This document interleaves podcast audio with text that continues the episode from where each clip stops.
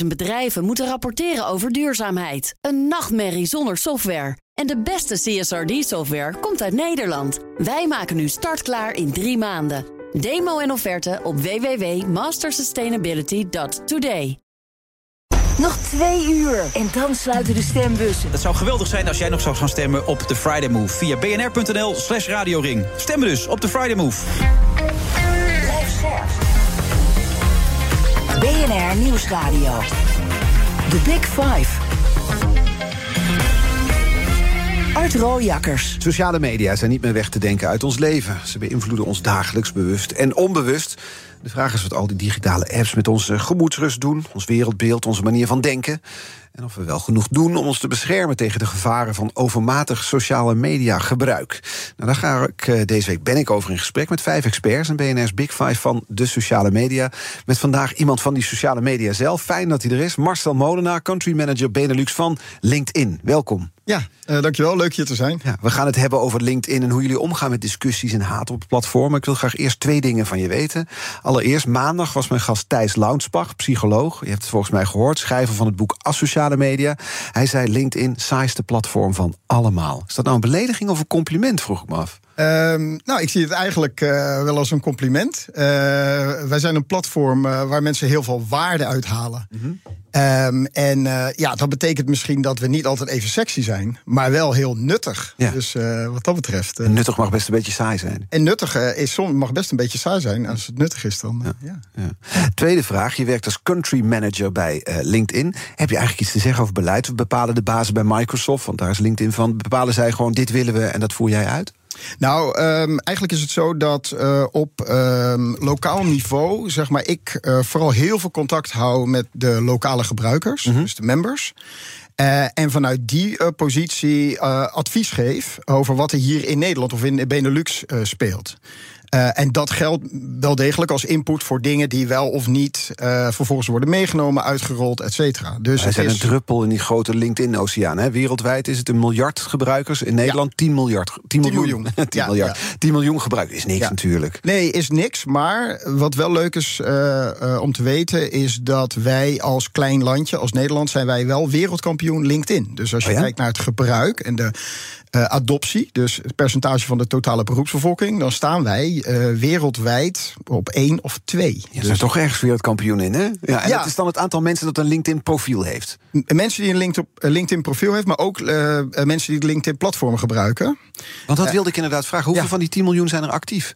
Ja, dus uh, grosso modo zie je dat van de 10 miljoen members zijn er maandelijks uh, ongeveer iets meer dan de helft daarvan is actief. Uh, dus hè, daar zijn allemaal definities voor over mm-hmm. hoe je dat. Maar dat is dus een hele gezonde zeg maar, uh, uh, activiteit van ten opzichte van het totale aantal leden. Ja, dus de, de, de, daar hoeft de groei niet vandaan te komen. Je, je wil niet per se dat mensen meer op het platform zitten. Ehm, nou, in meer mensen, dat is dus uh, eigenlijk bijna niet mogelijk. Nee. Hè? We gaan op een gegeven moment naar een afdekking van de totale beroepsbevolking ja, in Nederland. Moeten mijn dochters van zeven ja. profiel aan gaan maken. Maar wat wij wel, ja, maar ja, het kan pas vanaf 16 ja. op LinkedIn. Um, maar uh, wel in het uh, gebruik. Hm. Dus wij zien wel dat er een enorme toename is van het gebruik van LinkedIn. Zowel producerend, dus content delen, allerlei zaken delen, jobs delen, als um, consumeren. Dus daar zit nog wel degelijk enorme groei. Ja. Nou, nou zijn jullie dus in die zin wat anders wel dan bijvoorbeeld Instagram, TikTok, X, uh, ja. ja. ook dan, dan Facebook. Uh, ja. Want in de discussie over sociale media, ook deze week, gaat het vooral over die anderen. Ja. Zit jij dan een hoekje te denken, gelukkig, daar kom ik goed van af? Of hoe, hoe, hoe, kijk je daarnaar? Nou, ik zie dat eigenlijk wel als het resultaat van, van uh, enorme inspanningen die wij eigenlijk altijd hebben geleverd om ervoor te zorgen dat wij als platform uh, een, uh, echt ons richten op professionals. Uh, dus in een zakelijke context. Met relevante discussie en onderwerpen. Mm -hmm. In een vertrouwde omgeving waar mensen in alle veiligheid zaken kunnen delen. En daar hebben we ja, in, in de twintig jaar dat we nu bestaan zo hard aan gewerkt. dat wij automatisch eigenlijk uit die discussie blijven. Ja, omdat dat dan een ander verdienmodel ook is dan Facebook, Twitter, TikTok? Heeft er voor een deel mee te maken. Uh, wij hebben onze inkomsten ook gediversificeerd, zoals dat uh, heet. En dat betekent eigenlijk dat uh, heel grofweg, hè, wij, wij hebben aan de ene kant licenties op ons platform voor professionele gebruikers. En we hebben advertenties voor adverteerders. Mm -hmm. En die mix eh, en die verdeling over verschillende uh, business lines, uh, zoals we dat noemen. Uh, zorgt er wel voor inderdaad dat we niet heel stevig hoeven te leunen op bijvoorbeeld alleen maar advertenties. Die licenties werken dan zo, recruiters en bedrijven betalen voor ja. functies. Of ja, betalen dus, ze echt voor de geschikte kandidaat die ze ja, vinden? Ja, nee, je, het is eigenlijk zo. Je betaalt eigenlijk voor toegang via een dashboard. waarin je projecten aan kan maken. om met behulp van LinkedIn het juiste talent te sourcen. Mm -hmm. Um, maar bijvoorbeeld ook uh, om uh, banen te plaatsen op het platform. En ervoor te zorgen dat uh, degenen die die banen zien zo relevant mogelijk zijn. En um, ja, hopelijk ook zo snel mogelijk solliciteren. Ja, dat is aan die licentiekant dan. Ja. Aan de andere kant heb je dus de advertentiekant. Ja. We hadden het net al over dat verdienmodel van de andere sociale media. Dat komt neer op kliks, op shares, op likes. Hè? Ja. Uh, gaat er ook om, dus om de aandacht van de gebruiker vast te houden. Ja. Wij hadden het net heel kort over de groei bij LinkedIn. Je kan niet meer gebruikers krijgen, dus je wil graag die gebruikers langer, vast, langer vasthouden. Ja. Daar zit dus een parallel met die andere sociale media. Ja, maar het gaat eigenlijk, en dan kom ik even terug op uh, heel duidelijk de missie die wij hebben als platform. Kijk, wij zeggen wij willen professionals met elkaar uh, uh, connecteren, in verbinding brengen. Uh, om ervoor te zorgen dat als ze op ons platform zijn, dat ze of productiever of succesvoller zijn. En dat betekent dat wij zijn erop gericht dat als jij naar LinkedIn komt, omdat je op zoek bent naar mij als gast en even iets over mij wil weten, dat als ik jou zo snel mogelijk naar die informatie kan brengen en ik heb jou daarmee zeg maar wat productiever gemaakt doordat je je kan voorbereiden op de uitzending en je verlaat daarna LinkedIn, helemaal prima. Dus dat betekent automatisch dat wij. Uh, dat, zijn is dus... dat is niet, dat, en dat is anders dan bij de sociale, andere sociale media, Juist. wil je maar zeggen, die mij proberen vast te houden. Ja, en wij zijn, hè, dat is ook, de, zo, zo wordt het ook wel eens gepositioneerd. Je hebt social media die zijn wat wij noemen lean backward. Mhm. Mm -hmm. Dus dat is ter ontspanning, de wachtverzachter. Hè. Je hebt even tijd, nou je herkent al die momenten waarop de wachtverzachter, mensen, ja, goede term. Waarbij mensen even denken, ja, ik wil nu even scrollen, Mhm. mm -hmm. zeg maar. Ja, je doet niet bij de tandarts in de wachtruimte, ga je even lekker scrollen over LinkedIn. Nou, uh, voorheen ging je in de wachtruimte, ging je volgens mij de bladen lezen. Ja, die, weken oud waren. ja, exactly. He, tegenwoordig pakken mensen hun mobiel. Ja. Ik bedoel, ik observeer dat ook heel vaak. Het is heel interessant om te zien wat mensen in bepaalde situaties doen. Um, maar wij zijn, wij zijn een, een lean forward platform. En, dat, en, en daar bedoel ik mee dat het LinkedIn-gebruik, wat, wat dat eigenlijk automatisch in zich heeft, is dat je ook eigenlijk altijd wel een beetje aan de slag gaat. Ja. Want uh, je activeert mensen. Je activeert mensen omdat mensen zijn op zoek naar mensen, naar content, naar onderwerpen. En, en dat betekent automatisch dat je op een andere manier in dat platform zit. Die, dus het verslavende, hè, waar we het ook deze week over hebben. Morgen komt Kim van ja. Sparretak, GroenLinks, Europarlementariër... die daar een wet voor heeft ontworpen om dat aan te pakken... verslavingsgevoeligheid van sociale media. Ja. Speelt dat bij LinkedIn? Zijn er LinkedIn-verslaafden in de wereld? nou, op, jou, op jou na dan? Nou ja, of er LinkedIn-verslaafden zijn, weet ik niet. Ik denk dat er wel heel veel LinkedIn-fans zijn... die heel veel tijd op het platform doorbrengen. Daar ben ik er zelf een van, maar ja, ik werk natuurlijk bij LinkedIn. Ja, gek zijn, dat is uh, niet zo wel. Ja, exactly. Maar, um, maar ik, ik, um, ik denk dat ons platform inderdaad in die zin anders is dit als er al een vorm van verslaving is, dan is het eigenlijk meer dat mensen verslaafd zijn aan het effect wat dat heeft op hun dagdagelijkse werk, hun carrière, uh, uh, hun ontwikkeling van hun baan, et cetera. Dus um, ik, ik zeg altijd: iedereen beleeft wel een keer zijn LinkedIn aha-moment. Uh, en daar bedoel ik mee um, dat je wordt gewezen op een nieuwe vacature, ja. of dat je wordt, er wordt iets met je gedeeld. Je bent daar net mee bezig. Jij zoekt net dat stukje informatie. Of iemand zegt: je moet die en die persoon is op LinkedIn opzoeken. En, en, en, en ik hoor heel vaak dat heel veel mensen beleven dat moment. En vanaf dat moment zijn ze ook uh, in, zeg maar. Dan zijn ze ook fan. Ja, tegelijkertijd kun je, he, die, die, dat wetsvoorstel van Kim van Sparretak gaat ook onder andere over die oneindige tijdlijnen. Dus dat je maar Ja. kan blijven scrollen. Er Ja. komt nooit een einde aan. Het is nooit op. Ja. Dat is natuurlijk bij LinkedIn ook zo. Die tijdlijn die, kan, die, die gaat maar door en gaat maar door. Ik had een voorbereiding had met mijn eindredacteur over jullie platform. Die zei, ja. ik betrap me er toch wel op dat ik soms zo'n kwartier, half uur per dag doelloos langs al die berichten aan het gaan ben waar, su- waarin successen worden gevierd. Ja, oké, ja. Nou, um, uh, uiteraard, ook wij hebben een feed, hè, zoals dat heet. Ja. En, die gaat, en die is gecureerd op basis van je profiel en je gebruik. Um, kijk, wat wij niet hebben, en dat is natuurlijk ook nog wel, dat herkennen mensen ook. Kijk, wat wij niet hebben is een feed waarbij um, zeg maar een continue stroom van filmpjes uh, op je wordt afgevuurd. Waardoor je eigenlijk elke keer iets triggert, waardoor je denkt, nou, ik wil nog een filmpje, nog een filmpje, mm. et cetera, et cetera. En zoals ik net al zei. Jullie omdat, is tekst veel belangrijker. Ja, nou, het is eigenlijk is de inhoud veel belangrijker. En eh, dus wat je ziet is dat mensen weliswaar door de tijdlijn scrollen. Maar ik zou bijna zeggen, ja, een half uurtje per dag LinkedIn is misschien juist wel heel goed voor je baan en voor je. hè, in dat plaats van. natuurlijk bij die andere platforms ook. Ja, maar goed, eh, eh, volgens mij heb je het ook ergens in de uitzending, in een van de uitzendingen gehad over die schermtijd. Hè, Ja. Die je dan kan opzoeken op welke apps. eh, zeg maar, Precies. hoeveel uur zit je op welke apps? Ja. Nou, ik durf bijna te Daar zeggen. staat LinkedIn niet daar staat LinkedIn niet bovenaan. Nee, nee, nee. Nou is het natuurlijk wel interessant dat eh, LinkedIn, daar zie je dan in die tijdlijn, gaan we toch heel even over Ja. hebben, komen we straks weer over die verslavingen. Het is een soort digitale rolodex, zou je kunnen zeggen, voor de jonge luisteraar. Dat is dus waar je telefoonnummers en zo in terug kan vinden. Ja. Maar nu word je op LinkedIn ook overspoeld met van die persoonlijke verhalen, die Ja. net zo goed op Facebook of Insta kunnen staan. En dan ook vaak van die opschepverhalen. Ja. Of van die humble brag verhalen. Ik Ja. ben zo trots en dankbaar dat ik onderdeel mag maken van dit team. Ja. Hoe lees jij die berichten? Ja, ik, ik, ik, eh, ik, ik snap wat je bedoelt. Eh, eh, ik, denk, ik denk dat enige zelfspot of humor is altijd heel belangrijk. Ja. Dus ja, ook wij moeten daar soms om lachen natuurlijk. Ehm, maar dat voert natuurlijk niet de eh, boventoon. Eh, sterker nog, ehm, in, een, eh, in een artikel van Dan Roth, dat is onze chief editor, eh, want wij hebben ook journalisten bij, bij LinkedIn. En ehm, we hebben daadwerkelijk. kijk, de wereld, de wereld van werk is eigenlijk na, sinds de, de corona-pandemie is enorm veranderd. En wat wij zagen was dat mensen de wereld van werk eigenlijk van op de ene op de andere dag mee naar huis namen. En dat was daarvoor echt gescheiden. Eh, en dat herkent iedereen nu, want nu is het zo dat die eh, vijf dagen eh, per week op kantoor of na kantoor of naar een centrale plek om te werken, dat is eigenlijk, dat gebeurt bijna niet meer. Dat zijn hele specifieke dagen geworden. En er zijn dagen waarop mensen thuiswerken.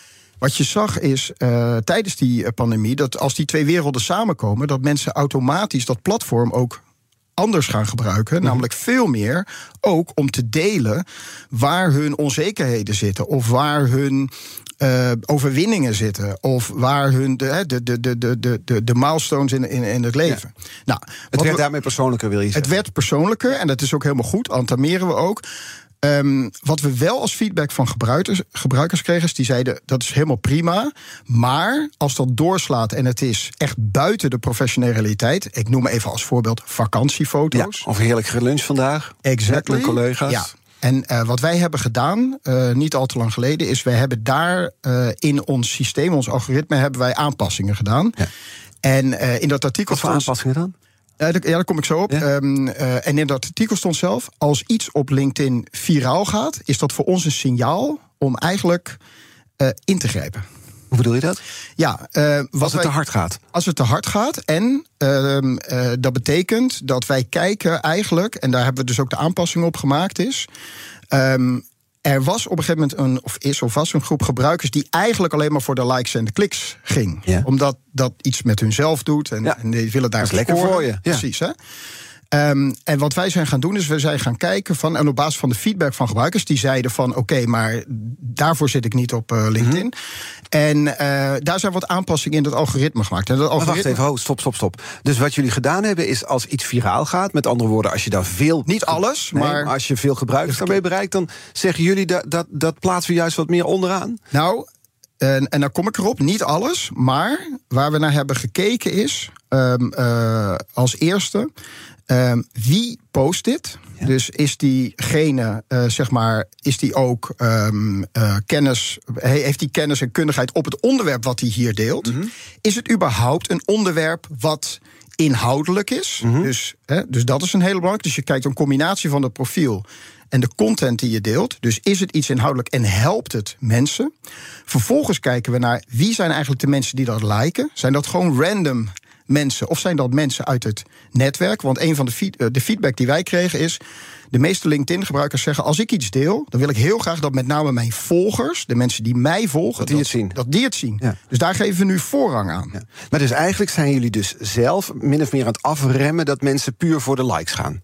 Precies dat. En eh, dat merk je ook. Dus wij krijgen nu ook, ook weer de feedback van mensen die zeggen: hey, wat fijn. Ik zie het steeds minder voorbij komen. Dus hey, ik noem even als voorbeeld een vakantiefoto, maar dat kan ook een grappig kattenfilmpje zijn. Of nou, het kan van allerlei dingen meer. zijn. Nee. want daarvoor zeggen eigenlijk de LinkedIn-members tegen ons: dat wil ik niet op LinkedIn zien. En wij, dus door die aanpassingen, zeg maar, kunnen we de content die wel waardevol is, Ja. die geven we veel meer de boventoon. Met nog een laatste tip dan, dan. Wat moet je zeker niet posten op LinkedIn? Waar word je ongemakkelijk van als LinkedIn-voorman? waar ik ongemakkelijk van word. Je ziet alles voorbij komen.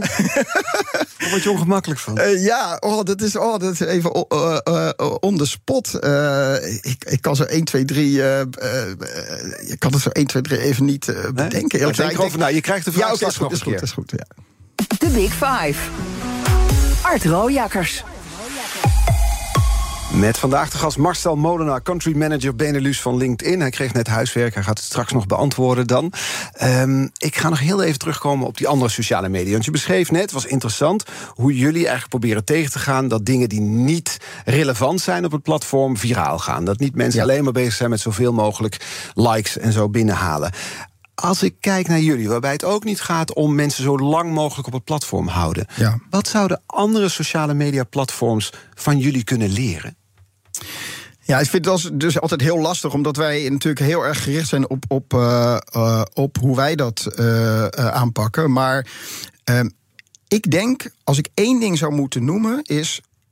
Ik denk, zoals wij dat doen, is. en zoals we dat in Engels zeggen, members first. Dus je moet echt de, de member, dus je, je, je gebruiker, mhm. centraal zetten. Um, en niet te adverteren zoals bij andere sociale media platforms in de eerste plaats echt de gebruiker centraal zetten. En uh, ik heb dit uh, ooit geleerd uit een, uh, in een ver verleden uit een, een stuk van Jeff Bezos bij Amazon. die een meeting had over productontwikkeling. een tafel had met allemaal mensen die gingen over de ontwikkeling van het product. En aan het hoofd van de tafel tegenover hem bleef de één stoel leeg. En daar zat niemand, maar daar zat wel iemand. Daar zat namelijk de gebruiker. En elke keer dat er een discussie was, of over iets, hè, dan was het van wat zou die.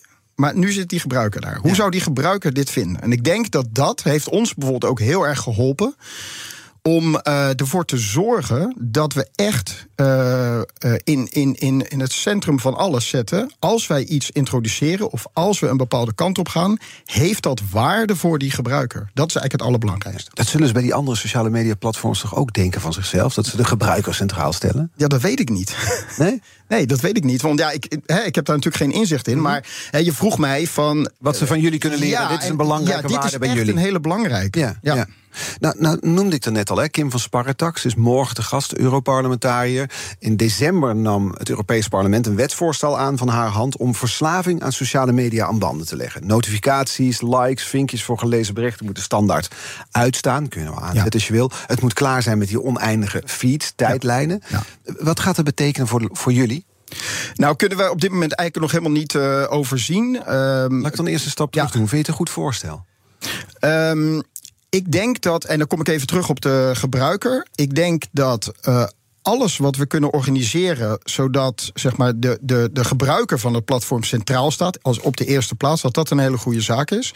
Waar wij dus ons op richten, even los van, van de wetgeving die er is of die er aankomt. Wij proberen eigenlijk altijd met alle ontwikkelingen die we doen, dat gewoon een stap voor te blijven, zelf heel scherp te kijken en kritisch te kijken naar wat we kunnen doen. En ja, wat, wat de toekomst brengt, weet ik even niet. Maar wij proberen eigenlijk continu daar gewoon uh, klaar voor te zijn en uh, uh, samen te werken met de verschillende instanties op dat vlak. Dat snap ik. En dat is een heel keurig CEO-achtig antwoord. Complimenten daarvoor. Maar nu toch nog een keer de vraag dan. Is het een goed voorstel? Ja, ik kan het echt niet beoordelen. Nou ja, er zitten wel wat dingen in die ik net noem. Notificaties, likes en vinkjes uitzetten voor gelezen berichten standaard. Klaar met de oneindige tijdlijnen. Zou een, een aanpassing vergen, ook bij jullie, bij LinkedIn. Je krijgt een waarschuwing als je een half uur aan het scrollen bent. Filmpjes moeten niet meer automatisch laden. Nou, dat zijn hele concrete voorstellen die erin staan. Ja, dus een paar dingen daarover. Ehm, wat wij eigenlijk al lang geleden gedaan hebben, is... we hebben een, een, uh, een, een, een control center bij elk profiel. En eigenlijk al die zaken die jij daar noemt, die kun je nu al doen bij ons. Mhm. Dus je kan bij ons al alle likes, vinks, berichten. Eh, je kan je profiel op allerlei manieren zeg maar dichtzetten, zodat je niet gestoord wordt. Dus dat hebben wij eigenlijk al, al heel lang. Um, en um, ja, even vanuit, vanuit zeg maar, uh, platformoverstijgend uh, gedachte. Nou, we hadden het net over, kijk even naar je schermtijd... en welke apps heb je allemaal mhm. gebruikt. Uh, ja, eigenlijk op alle telefoons zit tegenwoordig ook al een tooltje... waarmee je kan zeggen, nou, ik wil maximaal per dag een uur op platform X, Y of Z zitten. dus dat kan je al instellen. zeg maar. Ja, mensen doen het blijkbaar niet. Anders is het wetsvoorstel waarschijnlijk niet nodig. Nee, precies. Hè, Eh, en nu zijn ze niet standaard uit, zoals in dat wetsvoorstel dan wel. Nee. Het is opt- opt-in in plaats van opt-out. Ja, ja, precies. Hè. Dus, ehm, eh, dus ja, ik kan me voorstellen dat er over wordt nagedacht. Ik zeg alleen, wij hebben eigenlijk daar al op voorgesorteerd door ervoor te zorgen, en daar communiceren we ook actief over, Ja. dat je dat gewoon ook allemaal al zelf kan doen. Hoe is het met jouw schermtijd eigenlijk? Ehm, nou ja, net als eh, denk ik heel veel mensen tegenwoordig. Ik heb een behoorlijke schermtijd. Ik denk dat ik eh, elke dag er ook wel 7, 8 uur eh, online ben. Zou ik gek zijn met jouw beroep als het niet Ja, zo was. inderdaad, natuurlijk. Gisteren was mijn gast Diane de Vries, hoofddocent digitale vaardigheden aan de Hogeschool Utrecht. Ja. Ze was wat relativerend als het gaat om het social media gebruik van jongeren. Ze zei: Nou, we moeten niet doen alsof er al een hele generatie is opgegeven. Laten we erover in gesprek blijven. Ja. Eh, het is terug te luisteren als podcast trouwens. Eh, ze had ook een kettingvraag voor jou. Luister even mee. Eh, ik heb gezien dat hij ook heel erg bezig is met, met vaardigheden, met skills. Het, het, wat in de bedrijfskunde ook wel de re- en upskilling vraagstuk genoemd wordt. Dus er komen allemaal nieuwe technologieën. We zitten eigenlijk in een, in een digitale transitie. Hoe zorgen we dat ons werk goed blijft? En hoe zorgen we dat we goed blijven, werk blijven doen en, en ehm, dat werknemers ja, daarin mee kunnen komen? Veranderen banen eh, en hoe dan? En wat moeten vooral, wat moeten mensen daar dan voor kunnen? Welke, welke skills, welke vaardigheden hebben mensen dan nodig? Dus ik ben heel benieuwd, wat ziet hij nou als hij één skill moet kiezen? Wat vindt hij dan iets waar we echt aan moeten werken? Wat ziet hij zelf in zijn eigen bedrijf? En wat, waarvan zegt hij van, nou, dat is iets in mijn team, daar selecteer ik op en, en dat wil ik ook ontwikkelen bij mijn werknemer. Waren heel veel vragen. Ja. Het belangrijkste is eigenlijk Ja. die ene skill waar we echt aan moeten werken. Ja, ja en dan eh, eh, even als kleine inleiding. Ehm, wat we eigenlijk zien nu in de huidige arbeidsmarkt is die wordt krapper en krapper. En ehm, wat we ook zien is dat vaardigheden veel belangrijker worden dan functies. Ehm, en dat eigenlijk elke functie die er is, is eigenlijk een verzameling van vaardigheden. En het interessante waar we nu staan, en dan kom ik eigenlijk op mijn nummer één skill, dat is namelijk generatieve AI. En de adoptie daarvan en het gebruik daarvan. Dus dat je weet hoe je dat gebruikt is. Eigenlijk kan je zo'n beetje elke functie kan je opdelen in, in drie soorten vaardigheden. Dus wij zien dat zes van de tien werknemers bijvoorbeeld zegt: er zijn heel veel taken die in de weg staan van eigenlijk mijn talent. Maar die moet ik wel allemaal doen. Ehm, en daar kan generatieve AI enorm helpen. Dat is namelijk de taken die je normaal misschien twee, drie uur per dag kosten. Hè? Eh, eigenlijk is bijvoorbeeld je e-mail is een soort open to-do list. Eh, voor anderen. Ze gooien gewoon iets op jouw prikbord en dan mag jij ermee aan de gang. Ehm, nou, en dat is bijvoorbeeld niemand is eh, aan een functie begonnen te zeggen: Nou, dat is fijn, want dan kan ik drie, drie vier uur per dag aan mijn e-mail besteden. Nee. Of twee uur aan een PowerPoint, et cetera. Dus, dus die taken, zeg maar, dat zijn de taken die heel duidelijk door generatieve AI, zeg maar, die ons heel erg kunnen helpen. De tweede is de taken die geautomatiseerd kunnen worden. Nou, dat gebeurt natuurlijk nu al. En dan kom ik op de belangrijkste. Alle menselijke taken, dus alle waar je echt menselijke vaardigheden voor nodig hebt, die zijn eigenlijk het allerbelangrijkste. Want daar krijgen mensen energie van. Dus in plaats van dat je facturen inklopt eh, of de administratie controleert, ben je veel liever misschien aan het bellen met debiteuren om te praten over hoe het blijft er geld? Nou ja, ja, ja. Ja. maar hè, of in de recruitment bijvoorbeeld praten met kandidaten. Snap je. In plaats van zeg maar k- continu eh, zeg maar mails doorakkeren, et cetera, et cetera. Dus mijn nummer één skill is eigenlijk verdiep je in generatieve AI en kijk hoe dat van impact kan zijn, hoe dat jou kan helpen in jouw werk. Helder. Ik praat zo verder met Marcel Molenaar, country manager Benelux van LinkedIn. Gaat ook over je persoonlijke data op dat platform. Blijf luisteren.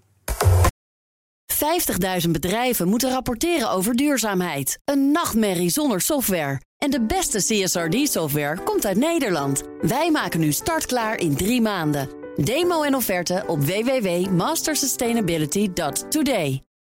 Hey ondernemer, zorg voor een sterke financiële basis en meer omzet door je facturatie, debiteurenbeheer of incasso uit te besteden aan de Nova Groep. De Nova Groep?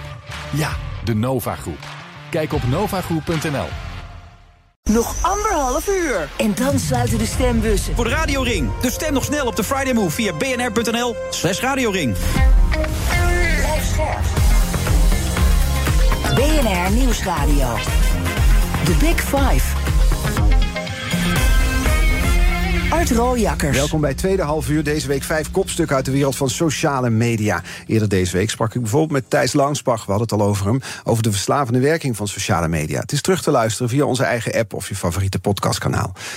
Vandaag de gast Marcel Molenaar, country manager Benelux van LinkedIn.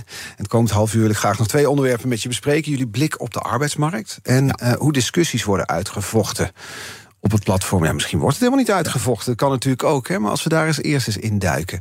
Platforms als X, het voormalige Twitter, zeggen gebruikers de echt de meest verschrikkelijke dingen tegen elkaar. Wordt dan ook nog eens aangewakkerd door trolls en andere misbruikers van het platform.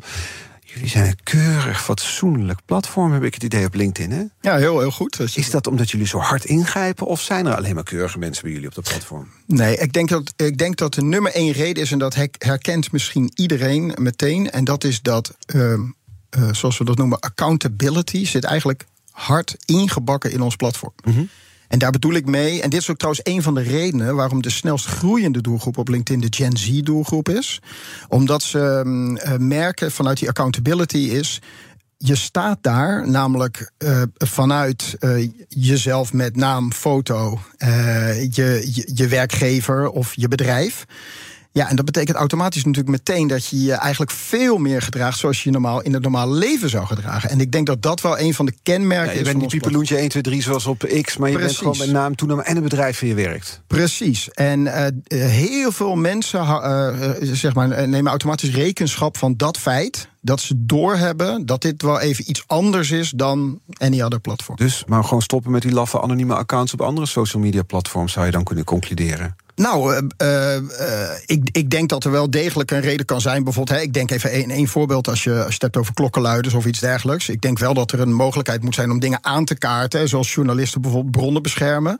Uh, dat kan ik me heel goed voorstellen. Mm -hmm. Maar ja, wat, wat ik zie en ja, wat jij ook opmerkt en zelf ook merkt, is dat wat wel helpt op een platform, is als mensen daar gewoon interacteren. Mm -hmm. zoals ze in het dagelijks leven interacteren. En wij hebben zeg maar ook onze policies. Dus de community guidelines, zoals we dat noemen. Um, uh, en wij zeggen daarin eigenlijk, hè, de, de, de uh, uh, zeg maar, we, wees veilig. Dus, dus zeg maar, deel geen dingen die je daar niet zou willen delen. wees professioneel. Dus hou het, hou het zeg maar, professioneel. Mm -hmm. Um, en um, uh, ja, weet je. Op die manier werkt het dan. Wat, en met dat modereren, wat, wat, wat wordt er dan bijvoorbeeld weggehaald? Uh, nou, onze, ja, dus moderatie hè, vanuit Trust and Safety is eigenlijk zo dat, dat, uh, dat werkt op verschillende manieren. Even als je het in, in, in brede zin over, over, over veiligheid en privacy hebt. Dus kijk, um, ook wij, en dat is even niet de generatieve AI, maar wel de normale AI, waar we, hè, we zijn sinds 2016 onderdeel van Microsoft en dus heel erg daar uh, ook gebruik van kunnen maken, is hè, meer dan 99% van alle accounts die wordt aangemaakt die niet echt is. Yeah.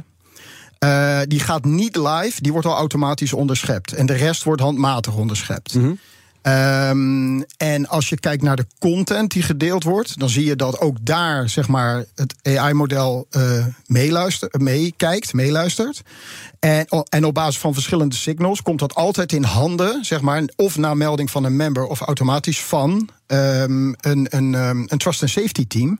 En die houden dat eigenlijk aan tegen die professional community guidelines. Ja, dus op die manier wordt het dan eigenlijk gewoon gemodereerd. Wordt het gemodereerd. Ja. En uh, nog een ander belangrijk ding, en ik stipte dat net al aan, en dat is niet te onderschatten factor. We hebben inmiddels wereldwijd 250 editors zitten, journalisten.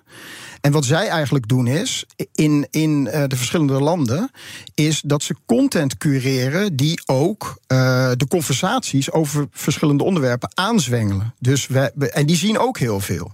Dus die, die zijn in staat om eigenlijk de gesprekken die, die gaande zijn over de verschillende onderwerpen, zeg maar om daarin mee te bewegen. Om daarin mee te bewegen. Ja. En dat richting te geven. Ja. Nou, hoe, hoe, gaat het eigenlijk met LinkedIn op het moment? Want ik kwam nog een bericht tegen. Wat was het vorig jaar? Over 700 mensen. 3% van het personeelsbestand verloor een baan. Ja. Omdat de groei minder snel gaat dan voorheen. Ja, ja het, was, uh, het was natuurlijk. Hè, en dat, dat zag je natuurlijk. Wij waren daar niet uniek in. Je zag eigenlijk dat bij heel veel verschillende techbedrijven. Zeg maar na, uh, na een opleving, post-pandemic. Dat, er, dat de markt enigszins terugviel. Um, dus ja, weet je dat is gewoon eigenlijk op een, op een ja, zeg maar relatief normale manier meebewegen met de markt. Wat we nu zien, is dat, dat het platform enorm in de lift zit. Dus je, je, hè, je ziet bijvoorbeeld dat. En dat mensen realiseren zich dat misschien niet. Maar elke seconde vinden zes mensen een job via LinkedIn wereldwijd. Ja. Uh, in Nederland worden elke seconde worden er vier connecties gemaakt. En connecties betekenen eigenlijk die mogelijk iets van waarde uh, gaan betekenen. Mhm. Uh, en als je ziet in het gebruik van het platform, zien we jaar over jaar bijna een 50% stijging van mensen die het platform zijn gaan. Dus je ziet eigenlijk aan alle kanten dat uh, ons platform, we, zijn nu, we, we hebben nu zeg maar die miljard leden.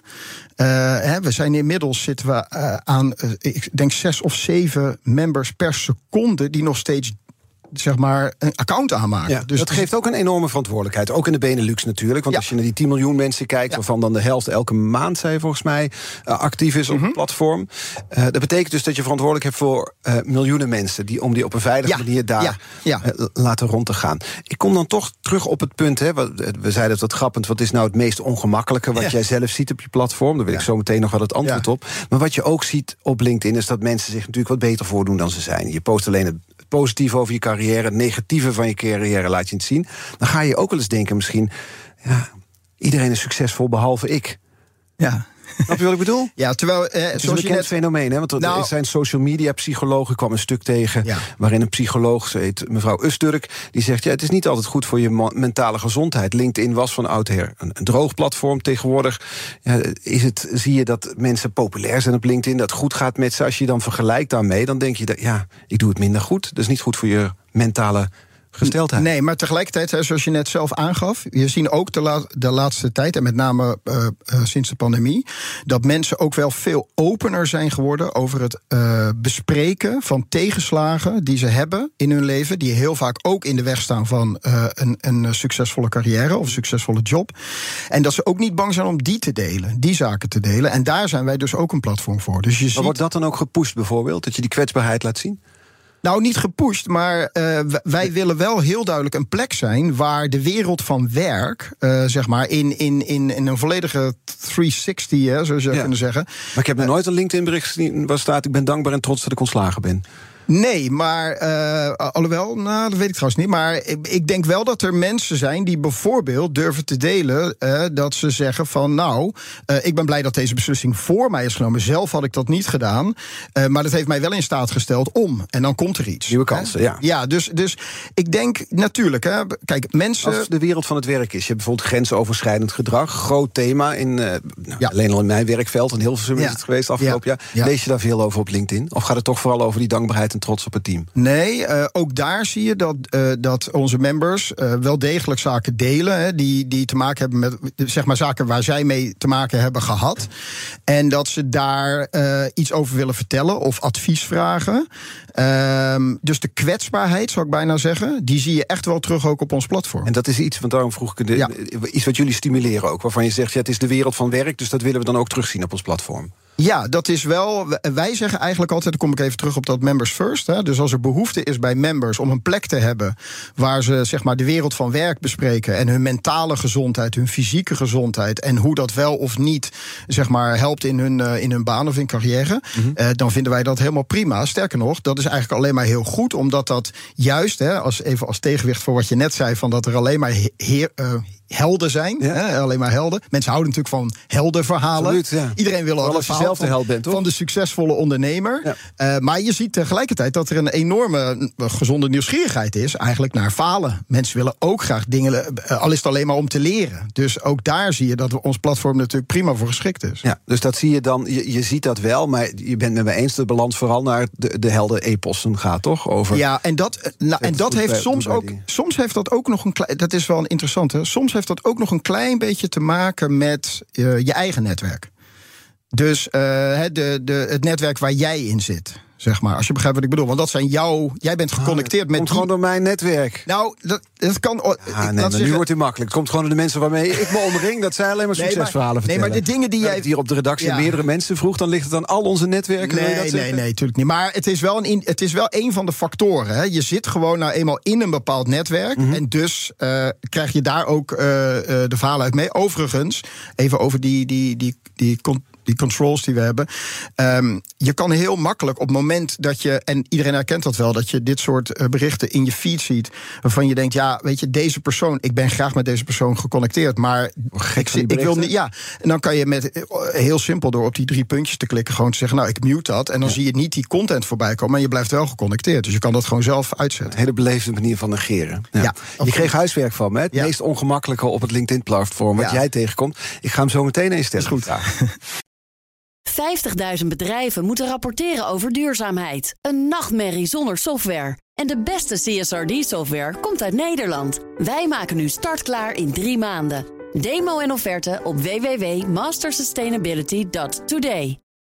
Hey ondernemer, zorg voor een sterke financiële basis en meer omzet door je facturatie, debiteurenbeheer of incasso uit te besteden aan de Nova Groep. De Nova Groep? Ja, de Nova Groep. Kijk op novagroep.nl. BNR Nieuwsradio. The Big Five. Art Rojakkers. Je luistert naar BNR's Big Five van de sociale media. Eerder deze week sprak ik met Vanessa Hofland van Media Monks over de commerciële kant van sociale media. Het is terug te luisteren via onze app en de bekende podcastkanalen. Vandaag de gast Marcel Molenaar, country manager Benelux van LinkedIn. Waar de leeftijd, de minimumleeftijd, omlaag is gegaan. Hè? Van 18 naar 16. 16, ja, klopt. Nou, nou was, ik citeerde hem al Thijs Launsbach hier eerder, de gast, die zei: misschien moeten social media onder de 16, maar gewoon niet doen, verbieden. Hoe kijk je naar zo'n idee? Um, ja, ik heb, ik heb natuurlijk ook de uitzendingen geluisterd. En uh, ja, het interessante is natuurlijk van, uh, als ik gewoon kijk naar heel veel zaken waarbij we verbod hebben ingesteld. Dat kan helpen. Tegelijkertijd, alles wat je verbiedt wordt heel erg interessant. Um, vervolgens is het ook nog heel, heel uh, spannend over... oké, als je dat dan verbiedt en die... Oh, schijnt dat niet waar te zijn uit onderzoeken. Die, ik heb er ook eens over zitten ja? lezen. Het schijnt voor een kleine groep zo te zijn. Dat wordt ja. interessant doen, maar ja. verboden schijnen echt te helpen. Of het nu gaat om uh, vepen, sigaretten, vuurwerk. Mm -hmm. Het schijnt echt effect te hebben. Alcoholverbod voor jongeren. Ja, nou, ik denk dat uh, wat natuurlijk aut automatisch meekomt... is dan de toegankelijkheid. Um, uh, waarbij natuurlijk het verschil is in de digitale wereld versus de fysieke wereld. Dus bij de digitale wereld moet je dan heel goed inbouwen van hoe ga je dat dan vervolgens organiseren. Uh, want volgens mij kwam ook in de uitzendingen voorbij van ja, een verbod, oké, okay, maar uh, kan dat, houdt dat stand, kan dat gehandhaafd uh, worden? Hoe doe je dat dan? Mm -hmm. Dus dat is dan nog wel een. Ja, praktische uitvoering moet je het over hebben. Maar het idee zelf. Ja, ja, nou ja, kijk, ik, ik denk dat, uh, en dat was met name wat ik gisteren voorbij hoorde komen, is. Uh, het kan zeker helpen om uh, een set van regels te hebben. Tegelijkertijd, als je kijkt naar hoe wij omgaan met uh, onze smartphone en hoe wij omgaan met onze digitale platformen, daar zie je ook wel dat uh, je zou nu inmiddels zeker kunnen spreken zeg maar, van digital natives, die mm -hmm. eigenlijk met vallen en opstaan leren wat zeg maar het meest effectieve gebruik is daarvan. Dus je zou ook kunnen zeggen: dit kost misschien even, maar uiteindelijk. Um, uh, ik hoorde gisteren het voorbeeld van een meisje van elf die zei: als ik naar de bibliotheek ga, dan laat ik mijn telefoon thuis liggen. Mm -hmm.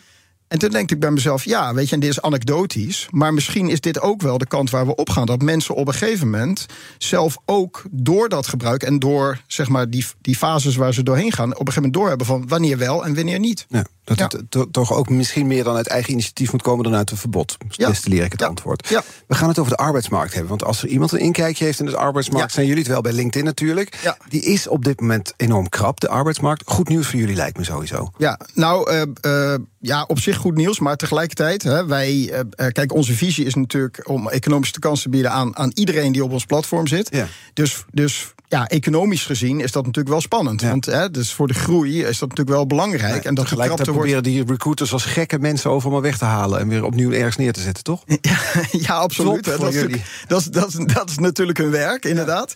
Um, en ik weet niet, uh, kijk, wij hebben... Uh, ik heb daar net iets over gepost. Wij hebben jaarlijks een jobs moment... waarin we ook even uh, zeg maar de thermometer in de arbeidsmarkt steken. En wat je ziet is, en misschien is het ook wel een beetje tijd van het jaar... hoor, maar je ziet dus dat van de onderzochte doelgroep...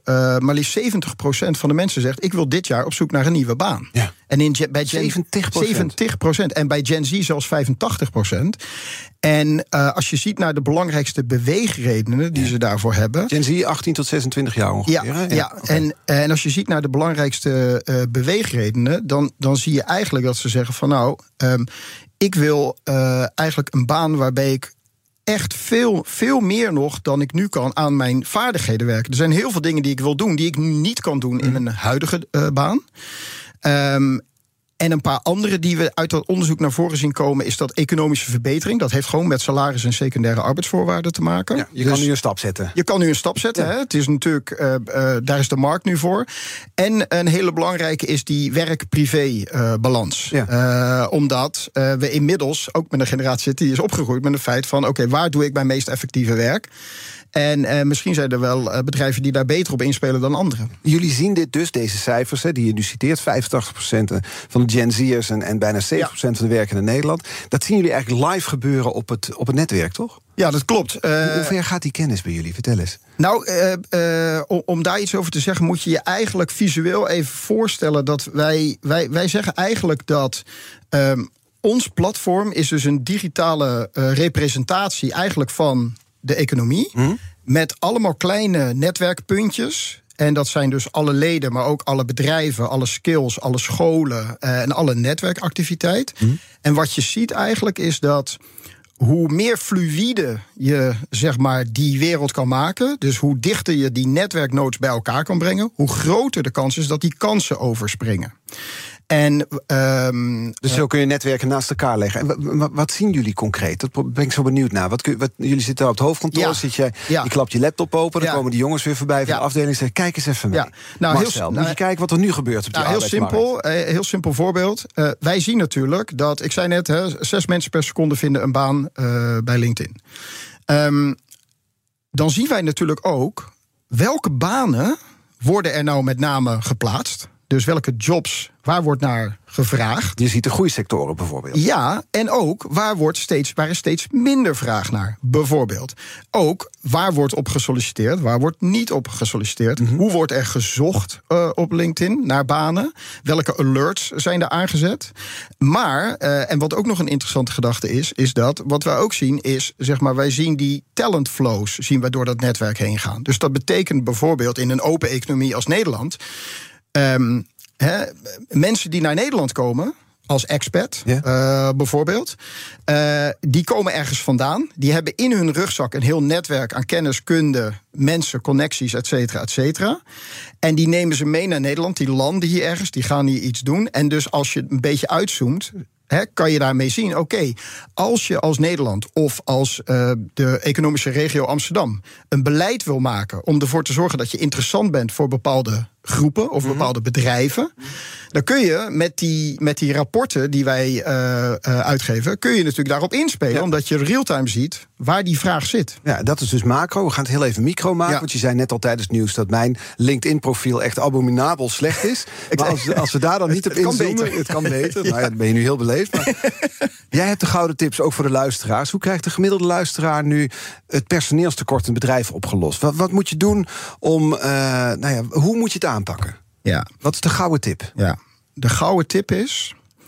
Um, en dit, uh, dit heb ik van, van een van de, van de job-experts, Aaltje Vincent, die ook wel eens hier bij BNR is geweest. Is wie in een bedrijf denk jij dat het eerste weet dat er een vacature beschikbaar komt?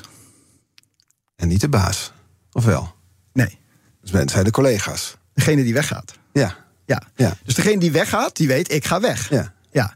Dus uh, dat betekent automatisch dat. Uh, en daarna zijn het al heel snel de collega's. Ja. Hè, want, uh, dus het interessante is dat als je het hebt over de gouden tip. Als je ervoor zorgt dat uh, de mensen in je, in je team, zeg maar, hè, zoals die actief zijn op, uh, op uh, LinkedIn. En die zet je zo snel mogelijk in voor wat wij noemen referrals. Mm -hmm. Dus dat betekent eigenlijk mensen die er al werken, die weten er gaat iemand weg. En zo snel als je kan, voordat je naar buiten gaat, zeg je eigenlijk tegen die mensen: wie zou nou een goede zijn om art te vervangen. te vervangen. Onvervangbaar. Waar denk je, ja, onvervangbaar. onvervangbaar. Maar waar denk je aan? Ja. Dat is natuurlijk een enorm krachtig middel, omdat die mensen met al hun connecties, zeg maar, heel goed weten hoe het ruilt en zeilt binnen dat bedrijf. Ja, maar dan kies je wel altijd voor dezelfde. Heb je totaal geen divers team. Want ze gaan allemaal op elkaar lijken. Ja, de, uh, absoluut. Hè, dat, zou, dat zou kunnen. Maar tegelijkertijd uh, krijg je wel, uh, hè, want organisaties hebben ook een cultuur en hebben ook waarden en et cetera, et cetera. Iemand die daarin past. Ja. Dus, dus, maar ik, ik, de, de- dus de gouden tip is: ik denk echt dat je van je medewerkers eh, ambassadeurs in die zin kan maken. moet maken, in zekere zin. In zekere zin wel. Ja. In zekere zin wel. Want die mensen zijn natuurlijk het meest effectief in het vinden van eh, de volgende collega. Ja, we schieten door de tijd in, dat is ontzettend jammer. Ehm, dus we gaan snel naar de kettingvraag toe. Kim van Sparretak, Europarlementariër, GroenLinks... morgen te gast hier in BNR's Big Five. Wat wil je van haar weten? Ja, ik, ehm, ik bekeek haar eh, profiel. Zij is best actief op eh, LinkedIn. Eh dus een post regelmatig. Mooi profiel ook. Eh, en de kernvraag die ik eh, voor haar heb, eh, en dat moet eigenlijk ook wel een beetje ook vanuit mijn positie, en dat is een hele beroemde vraag intern bij ons als er iemand bij ons komt werken, en dat is Kim. wat staat er niet op jouw LinkedIn-profiel? Ik ga het er morgen vragen. Dan hebben we nog net genoeg tijd voor die ene huiswerkvraag. Weet je nog, Ja. het meest gênante dat jij tegenkomt op LinkedIn? Ja. Je dacht natuurlijk, de tijd is voorbij, daar kom ik mooi vanaf. Ja. Vertel. Nou, als ik, als ik dan toch één ding moet noemen, is er is zo'n fenomeen dat is: how can I make this about me? Ken het, ja? En eh, waar ik wel een beetje soms de kriebels van krijg, is als er een, groot, eh, eh, een, grote gebeurtenis is of iets dergelijks in een land of bij een bedrijf, et cetera, et cetera. En iemand die jaagt dat aan op LinkedIn. Maar de foto die erbij staat is eigenlijk helemaal van mij. En eh, ja, daar krijg ik dan soms een beetje de kriebels van. Dan denk ik, volgens mij gaat het over dit onderwerp en niet over jou. Dus waarom sta je zelf als grootste op de foto? Volgens mij is een heel beroemd voorbeeld daarvan Ali B... die bij de eerste wereldtitel van Max Verstappen aanwezig was... maar zichzelf filmde en zei trots op Max. Dat bedoel je Er dan? zijn heel veel van dit soort voorbeelden. ja. Dank voor de komst en de eerlijke antwoorden. Marcel Molenaar, country manager Benelux van LinkedIn. Onze afleveringen die zijn terug te luisteren als podcast. Kun je doen in onze eigen app of je favoriete podcastkanaal. En hoef je geen aflevering te missen. Kun je ook alles nog een keer terugluisteren. Want het gaat soms snel hier. Nu op deze zender BNR Zaken doen. Thomas van Zijl, tot morgen. 50.000 bedrijven moeten rapporteren over duurzaamheid. Een nachtmerrie zonder software. En de beste CSRD-software komt uit Nederland. Wij maken nu startklaar in drie maanden. Demo en offerte op www.mastersustainability.today.